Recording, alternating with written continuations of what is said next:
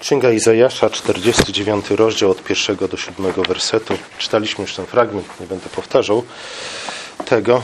E, ten fragment Księgi Izajasza jest drugą z czterech tak zwanych pieśni sługi Jahwe, chyba najbardziej znaną pieśnią sługi Jahwe, to jest rozdział 53 proroctwa Izajasza. W pierwszej e, pieśni, pierwsza pieśń jest bardzo krótka, to jest 40, początek 42 rozdziału. Tam znajdujemy bardzo ogólny opis misji, do której został powołany sługa Jahwe. W mocy ducha ma zanieść narodom prawo, ma utrwalić je na całej ziemi. Druga pieśń dostarcza więcej informacji na temat e, samej misji sługi Jahwe, na temat samego sługi Jahwe, jego tożsamości, a także e, na temat tego, w jaki sposób sługa Jahwe odpowiada na swoje powołanie. Najpierw sługa w tej drugiej pieśni przemawia w pierwszej osobie, przypomina o tym, że początkiem jego misji było jego stworzenie. Został powołany od łona swojej matki, a w zasadzie został stworzony po to, aby spełnić misję, do której Bóg go powołał. Innymi słowy, Bóg powołał go do życia z myślą o tej misji, z myślą o misji, jaką miał wypełnić, i to ma bardzo poważne znaczenie w całej tej drugiej pieśni Jachwę. Mam nadzieję, że zobaczymy to wszyscy razem. E, krótko mówiąc, tym sposobem e, zarówno życie sługi Jahwe, jak i misja sługi Jahwe, raz, że są nierozerwalnie z sobą połączone, ale dwa, zostały zainicjowane przez Boga, a więc także Bóg stoi. Bóg jest gwarancją tego, że zarówno życie, jak i misja sługi Jahwe e, okażą się sukcesem. Oczywiście Dzisiaj dużo słyszymy na temat sukcesu, wszyscy chcą odnieść sukces e, w życiu, w pracy itd., tak itd. Tak niekoniecznie to, co e, my nazywamy sukcesem, czy też niekoniecznie nasze zrozumienie sukcesu pokrywa, czy powinno się pokrywać ze, zrozumieniem sukcesu, jaki często spotykamy w świecie. Ale o tym więcej przy innej okazji. Przede wszystkim sługa przedstawia się przy pomocy dwóch obrazów. Mówi, że jest ostrym mieczem i jest gładką strzałą. E, myślę, że warto się, się chwilę zastanowić nad tym, dlaczego akurat w ten sposób sługa przedstawia sam siebie, e, ze względu na to, że ze względu na to, co później nastąpi w pieśni. E, dlaczego ostry miecz? Można było wiele spekulować na ten temat. Akurat jeśli chodzi o, o, ostry miecz, ten obraz dość często pojawia się w Piśmie Świętym. Oczywiście jest obrazem Słowa Bożego, Słowa Bożego, które jest skuteczne, Słowa, Słowa Bożego, które jest y, ostre w tym sensie, że jest w stanie oddzielić prawdę od fałszu, dobro od zła jest y, tym, co oddziela duszę od ducha, szpik od kości itd. Tak itd. Tak Ostrość miecza wydaje się y, symbolizować skuteczność jego miecza. Ale miecz jest też y, narzędziem walki, czy też rodzajem broni, którym walczymy w starciu. Tak? Kiedy wróg jest blisko. Jeśli chodzi o strzałę gładką, rzadziej ten obraz pojawia się w Piśmie Świętym, ale Wydaje mi się, że, że gładkość strzały oznacza y, też w pewnym sensie skuteczność, ale także zasięg działania. Zwróćcie uwagę na to, że te dwa motywy pojawiają się w dalszej części tej drugiej pieśni sługi Jahwe, ze względu na to, że sługa, sługa jest powołany do tego, aby zanieść Ewangelię, ogólnie rzecz biorąc Ewangelię, e, komu? Izraelowi. Nie? Ale z drugiej strony jest powołany także do tego, aby zanieść Ewangelię komu? Wszystkim narodom całemu, całemu światu. Wydaje się, że, że także ta symbolika zawarta jest e, w tych dwóch obrazach. Ostrego miecza i, i, i gładkiej strzały. W każdym razie tak czy inaczej, sługa Jahwe jest skutecznym instrumentem w ręku Boga. Został stworzony tak, a nie inaczej, ze względu na misję, do której został stworzony. Jest skutecznym instrumentem w imieniu Boga, e, dlatego że zawsze wykonuje to, co Bóg, do czego Bóg go powołał, ale też e, zasięg jego działania jest e, uniwersalny, obejmuje całą ziemię. A jednak Zaraz po tym, to, pamiętamy, to, to są słowa, słowa sługi Jahwe. Sługa Jahwe w ten sposób przedstawia się, nie, jako ostry miecz i, i, i gładka strzała. Ale zaraz potem, nie, jakby w kontraście do tego, co powiedział, stwierdza, że na próżno się trudził. Że trudził się na próżno, na darmo i na nic zużył wszystkie swoje siły. Nie? E, wyraźny kontrast nie? w stosunku do tego, kim jest, w jaki sposób został stworzony, do czego został powołany i przede wszystkim kto jest inicjatorem tego wszystkiego. Sługa, mimo to, mimo swojego powołania, mimo świadomości tego, kto go stworzył, kto go powołał i kim jest w ręku Boga, jednak stwierdza, że na próżno się trudzi, na darmo i na nic zużywa swoje siły. E, warto tutaj zatrzymać się na chwilę przy właśnie tych trzech słowach, ze względu na to, że te trzy słowa e, są dość znaczące i powinny, powinny e, poruszyć pewne struny w naszych mózgach. E, po pierwsze dlatego, że, że pada tu słowo tohu, czyli bezład, pada tu hebrajskie słowo rik, czyli pustka oraz heel, co oznacza coś nieuchwytnego. Wszystkie te słowa pojawiają się one albo ich synonimy pojawiają się w bardzo ważnych fragmentach Pisma Świętego. E, Rik to synonim tochu. Nie? Ten, kto cokolwiek studiował e, teologii w seminarium czy w innej szkole biblijnej, e, zapewne pamięta, że, że te słowa tochu i bochu pojawiają się na samym początku Pisma Świętego, kiedy, kiedy Bóg opisuje, czy też kiedy autor Księgi Rodzaju opisuje e, stan świata, stan ziemi raczej, zaraz po jej stworzeniu. Ziemia była bezładem, czyli tochu, i pustkowiem, czyli bochu. Z kolei słowo heel e, jest słowem, które bardzo często pojawia się w księdze Kocheleta, czyli kaznodziei Salomona. Słowo, które często jest tłumaczone jako marność, wydaje mi się, że jest to błędne tłumaczenie.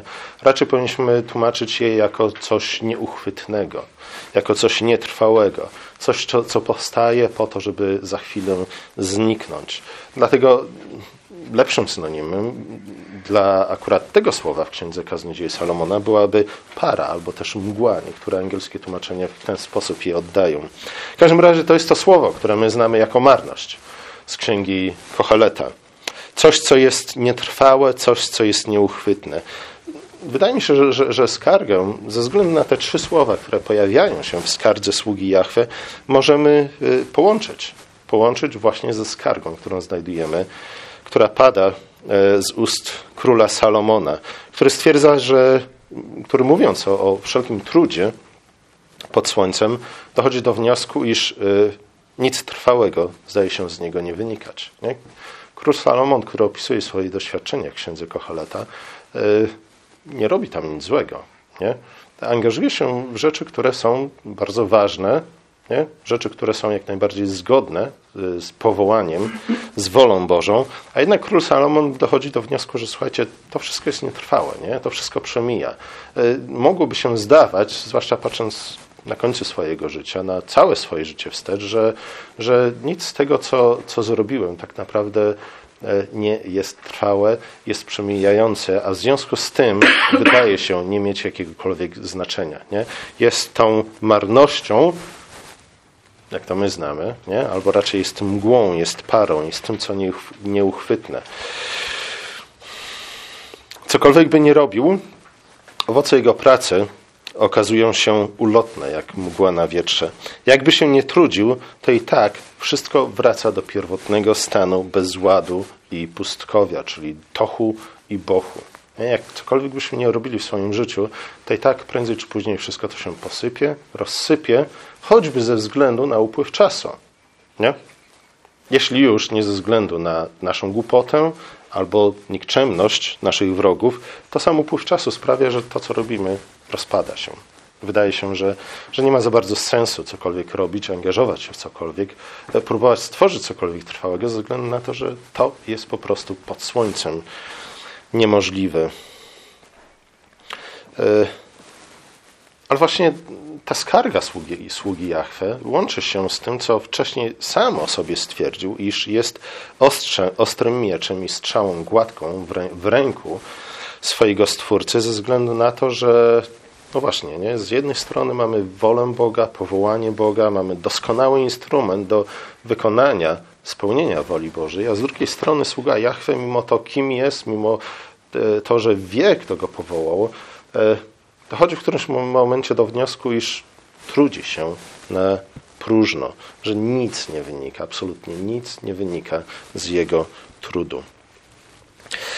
Nawet jeśli serce sługi Jahwe napełniło się zwątpieniem, to jednak, czytając dalej pieśń sługi Jahwe, widzimy, że, że poskromił on swoje serce, poskromił te wątpliwości i znów w jaki sposób to uczynił? Przypominając sobie o tym, że, że został stworzony przez Jahwe, że przez niego został e, powołany do, do spełnienia misji, że, że sukces jego misji, nie? owoc, innymi słowy, całego jego życia i, i tu na ziemi, zależy od Boga. Nie? Jest w ręku Boga. Bóg tak czy inaczej przez niego spełni to, co zamierzał.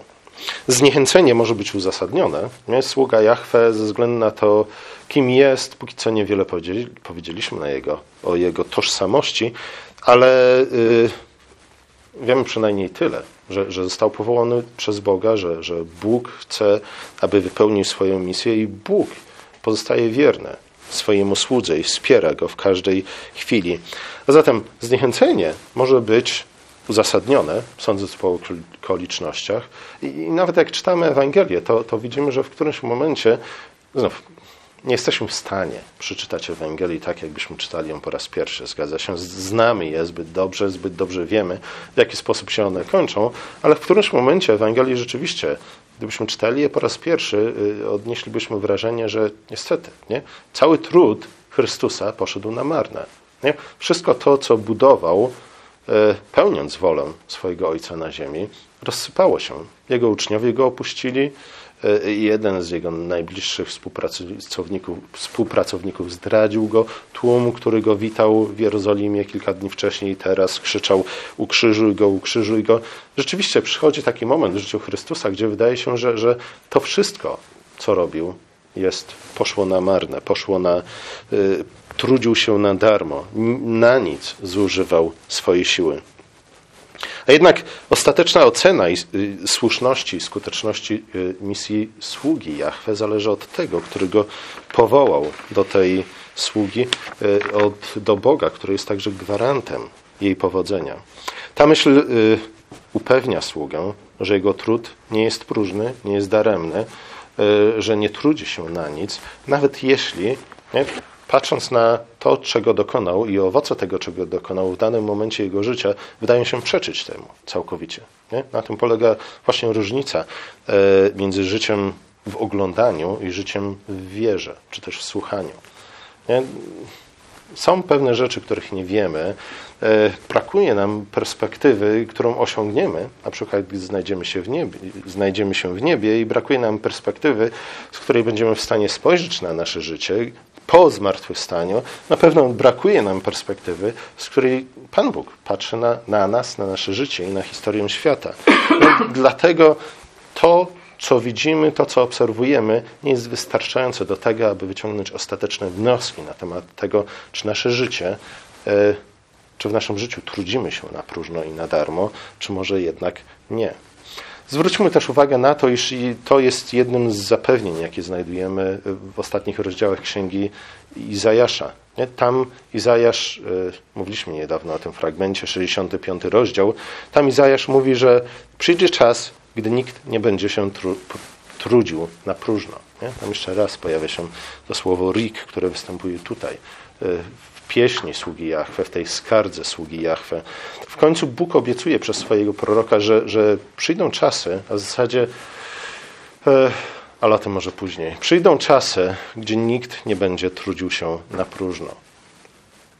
Sam Bóg zapewnia sługę, że przed nim królowie narodów padną na twarz, e, pokornie przyjmując go jako posłańca od Boga i podążą za nim do, do, do, do domu Boga, który stanie się także ich własnym domem. Kim jest ten sługa Jahwe? E, znów, my jako chrześcijanie jesteśmy trochę skrzywieni, w tym sensie, że, że czytamy te słowa, oczywiście mając, pamiętając o, o, o tym, co zostało napisane w Nowym Testamencie, ale y, myślę, że warto jest zwrócić uwagę na to, w jaki sposób sługa Jahwe jest y, rozpoznany, czy przedstawiony u samego proroka Izajasza, ze względu na to, iż pomoże nam to zrozumieć pełniej tożsamość sługi Jahwe w kontekście Nowego Przymierza. Izajasz nazywa sługę Jahwe Izraelem. Izraelem jako ludem Bożym, Izraelem jako ludem, z którym Bóg złączył się swoim przymierzem.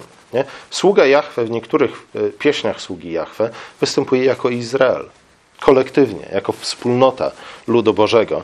Czasami jednak występuje jako resztka spośród Izraela. Więc ci spośród Izraelitów, którzy zachowali wierność swojemu Bogu, ale czasami sługa Jach występuje jako pojedyncza osoba. Nie? W tej pieśni to widzimy. Nie? Sługa Jahwe jest, jest jednostką, jednostkową człowiekiem.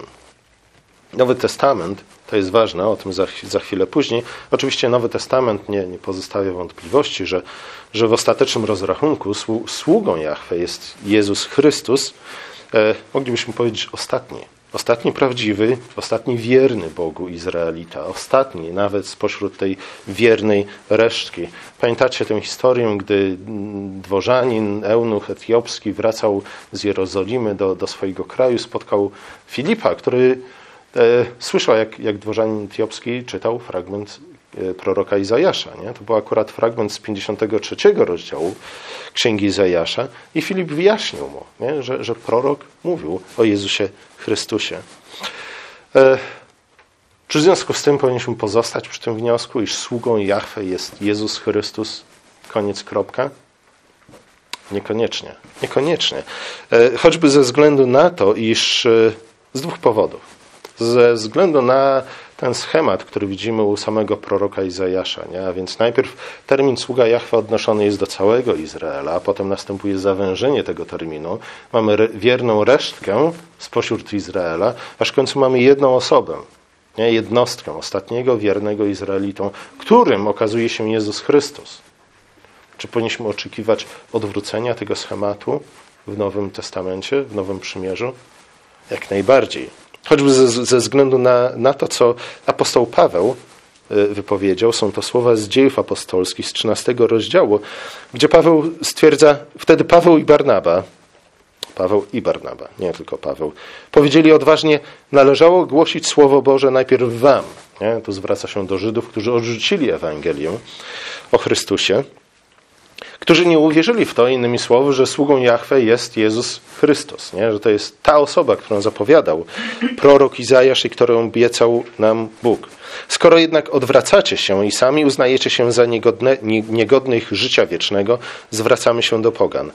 Tak bowiem nakazał nam Pan. Zwróćcie uwagę na to, nie? co Paweł Barnawa mówi. Tak bowiem nakazał nam Pan. Ustanowiłem Cię światłością dla pogan, abyś był zbawieniem aż po krańce ziemi. Skąd te słowa Pana pochodzą? No, z tej pieśni, z drugiej pieśni sługi Jahwe, którą dzisiaj czytaliśmy, z 49 rozdziału Izajasza. Z czym zatem mamy tutaj do czynienia? Nie? Tak jak e, do Chrystusa to pojęcie sługa Jahwe i jego znaczenie było coraz bardziej zawężane. Nie? Cały Izrael, resztka wierna, aż w końcu Jezus Chrystus, ostatni wierny Izraelita. Tak wydaje się, że w Nowym Przymierzu, po śmierci i zmartwychwstaniu Chrystusa, znaczenie tego terminu zaczyna się ponownie rozszerzać. Nie? Najpierw oczywiście odnosimy to do Jezusa Chrystusa. Jego przyjście, Jego śmierć, Jego zmartwychwstanie było, było tym centrum, punktem zwrotnym całej historii. On pozostał ostatnim wiernym Bogu człowiekiem, e, ale później następuje rozszerzenie tego pojęcia sługa Jahwe. Nie? Paweł i Barnaba odnoszą to przynajmniej do siebie, nie? nawet nie do, do grona samych apostołów, bo Barnaba do nich nie, nie należał. E, ale myślę, że możemy tak stwierdzić, nie? dla uproszczenia, że najpierw to pojęcie sługi Jahwy jest rozszerzone na, na apostołów, a później zostaje rozszerzone na cały Izrael. E, na cały Izrael, nowy Izrael powinienem powiedzieć, na cały Kościół. Nie? Teraz my, jako cały Kościół, jak wydaje mi się, że powinniśmy interpretować słowa, słowa Pawła i Barnaby, i tak wydaje mi się, że powinniśmy interpretować nie ten schemat, który widzimy, zawężenie znaczenia, później rozszerzenie znaczenia, że cały Kościół jest w tej chwili sługą Jahwe. Nie? My, jako Kościół, jesteśmy powołani do tego, aby, jak powiedział Pan, y, być światłością dla pogan, abyśmy zanieśli zbawienie aż po krańce ziemi. Nie? I zwróćcie uwagę na to, że, że dokładnie o tym mówił bardzo często Jezus Chrystus. Nie? Mówił o tym, że jesteśmy światłością. tego świata. I kiedy odchodził z, z tej ziemi do nieba, do nieba najwyższego, te słowa właśnie zostawił swoim apostołom, którzy później przekazali je całemu Kościołowi. Nie? Głoście Ewangelię, aż po krańce świata. Czyńcie uczniami wszystkie narody. Dlaczego Paweł mógł odnieść e, słowa dotyczące sługi Jahwe do Kościoła? No, chyba pierwszym i podstawowym powodem jest to, iż Kościół jest ciałem Chrystusa. Nie? Jeśli Chrystus jako głowa ciała, którym jest Kościół, jest sługą Jahwe, to także całe Jego ciało jest sługą Jahwe. E, misja Chrystusa jest naszą misją. Nie? Może nie do końca, może nie we wszystkich szczegółach. Pewne rzeczy dotyczące Chrystusa są jednak wyjątkowe, e, których nigdy nie powinniśmy nawet próbować powtórzyć, ale z drugiej strony, ogólnie rzecz biorąc, to, z czym Bóg posłał swojego Syna na ten świat, stało się także naszą misją. Także my mamy być światłością dla pogan i zbawieniem, i nie zbawienia aż po krańce ziemi.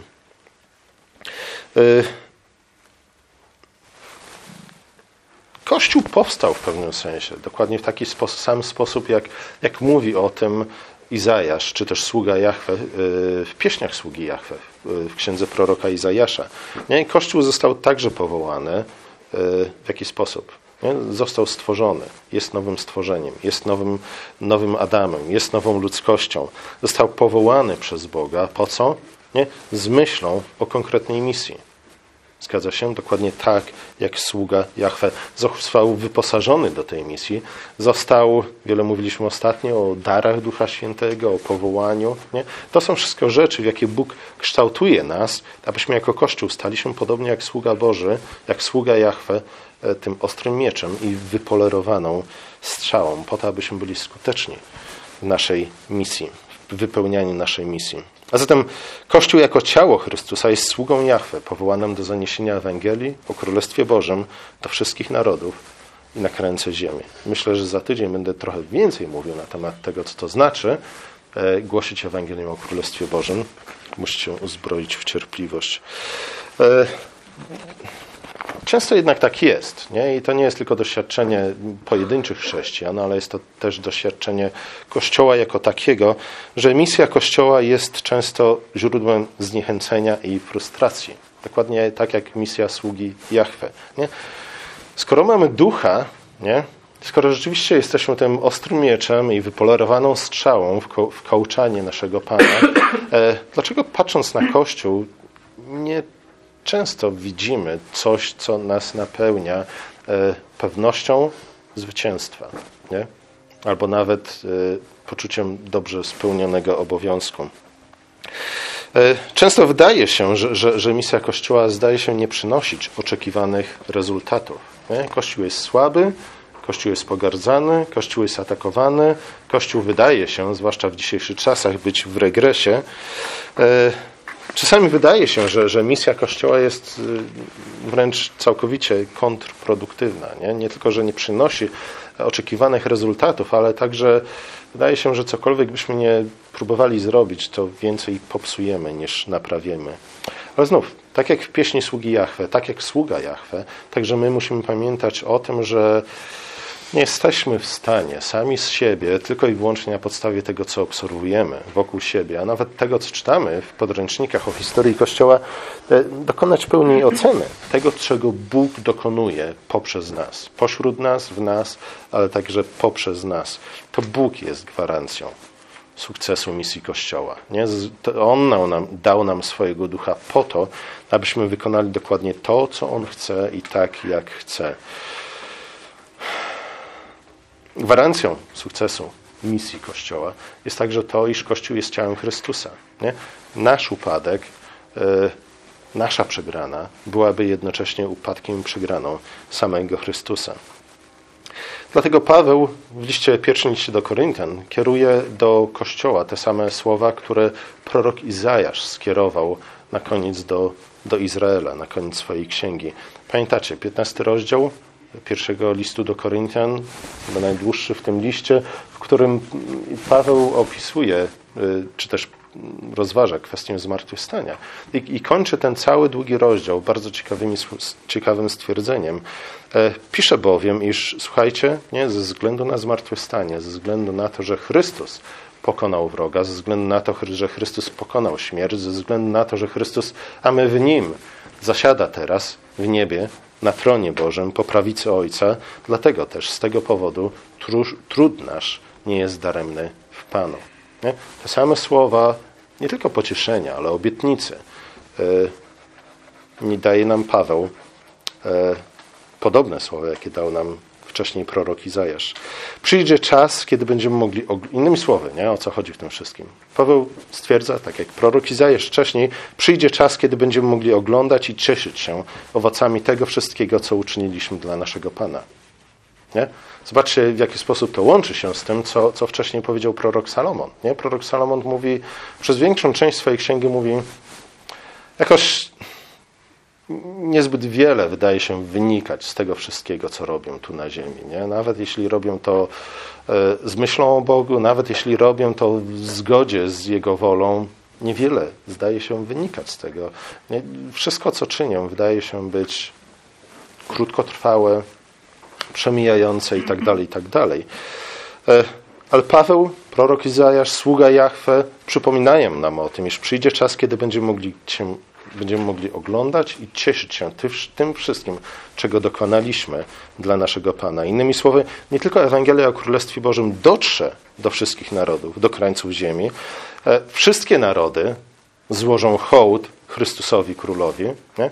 Tak kończy się Pismo Święte, 21-22 rozdział Księgi Objawienia mówi dokładnie o tym, nie? przedstawia ten obraz. Królowie wnoszą chwałę wszystkich narodów do Nowej Jerozolimy. Ale także nastanie w końcu pełnia królestwa, a my będziemy mieli w nim udział. Nie? I wtedy właśnie ujrzymy, w jaki sposób to wszystko, co nam wydawało się być tylko i wyłącznie mgłą na wietrze, czymś nietrwałym, czymś, nad czym trudziliśmy się próżno, na nic, z czego wydawało się nic dobrego ani trwałego nie, nie wynikać, wtedy ujrzymy, że, że to wszystko, co uczyniliśmy w Chrystusie i dla Chrystusa, nie poszło na marne, ale znalazło swoje miejsce w Królestwie Bożym. Nie? Wtedy będziemy w stanie rozpoznać to wszystko, co wydało nam się być martwym płodem, to wszystko, co wydało nam się być próżnym trudem. Zobaczymy, w jaki sposób to wszystko stało się częścią Królestwa, na które oczekujemy. Pomódlmy się. Nasz drogi łaskawy Ojcze, prosimy Cię o to, aby, abyśmy nigdy nie zwątpili y, w to, że Ty nas powołałeś do, do misji, o której dzisiaj mówiliśmy. Misji, by zanieść Ewangelię o Twoim Królestwie na krańce świata. Ojcze, prosimy Cię o to, abyśmy nigdy nie zwątpili w to, że Ty wyposażyłeś nas we wszystko, czego potrzebujemy, aby spełnić tę misję. I prosimy Cię, Ojcze, o to też, abyś Ty wzmocnił naszą wiarę, zwłaszcza wtedy, gdy wydaje nam się, iż ta misja y, na nic się nie, nie, nie zdaje, nie, nie wydaje żadnych trwałych owoców. Ojcze, prosimy Cię o to, abyśmy żyli wiarą, a nie oglądaniem. Prosimy Cię o to w imieniu Twojego Syna, Jezusa Chrystusa. Amen.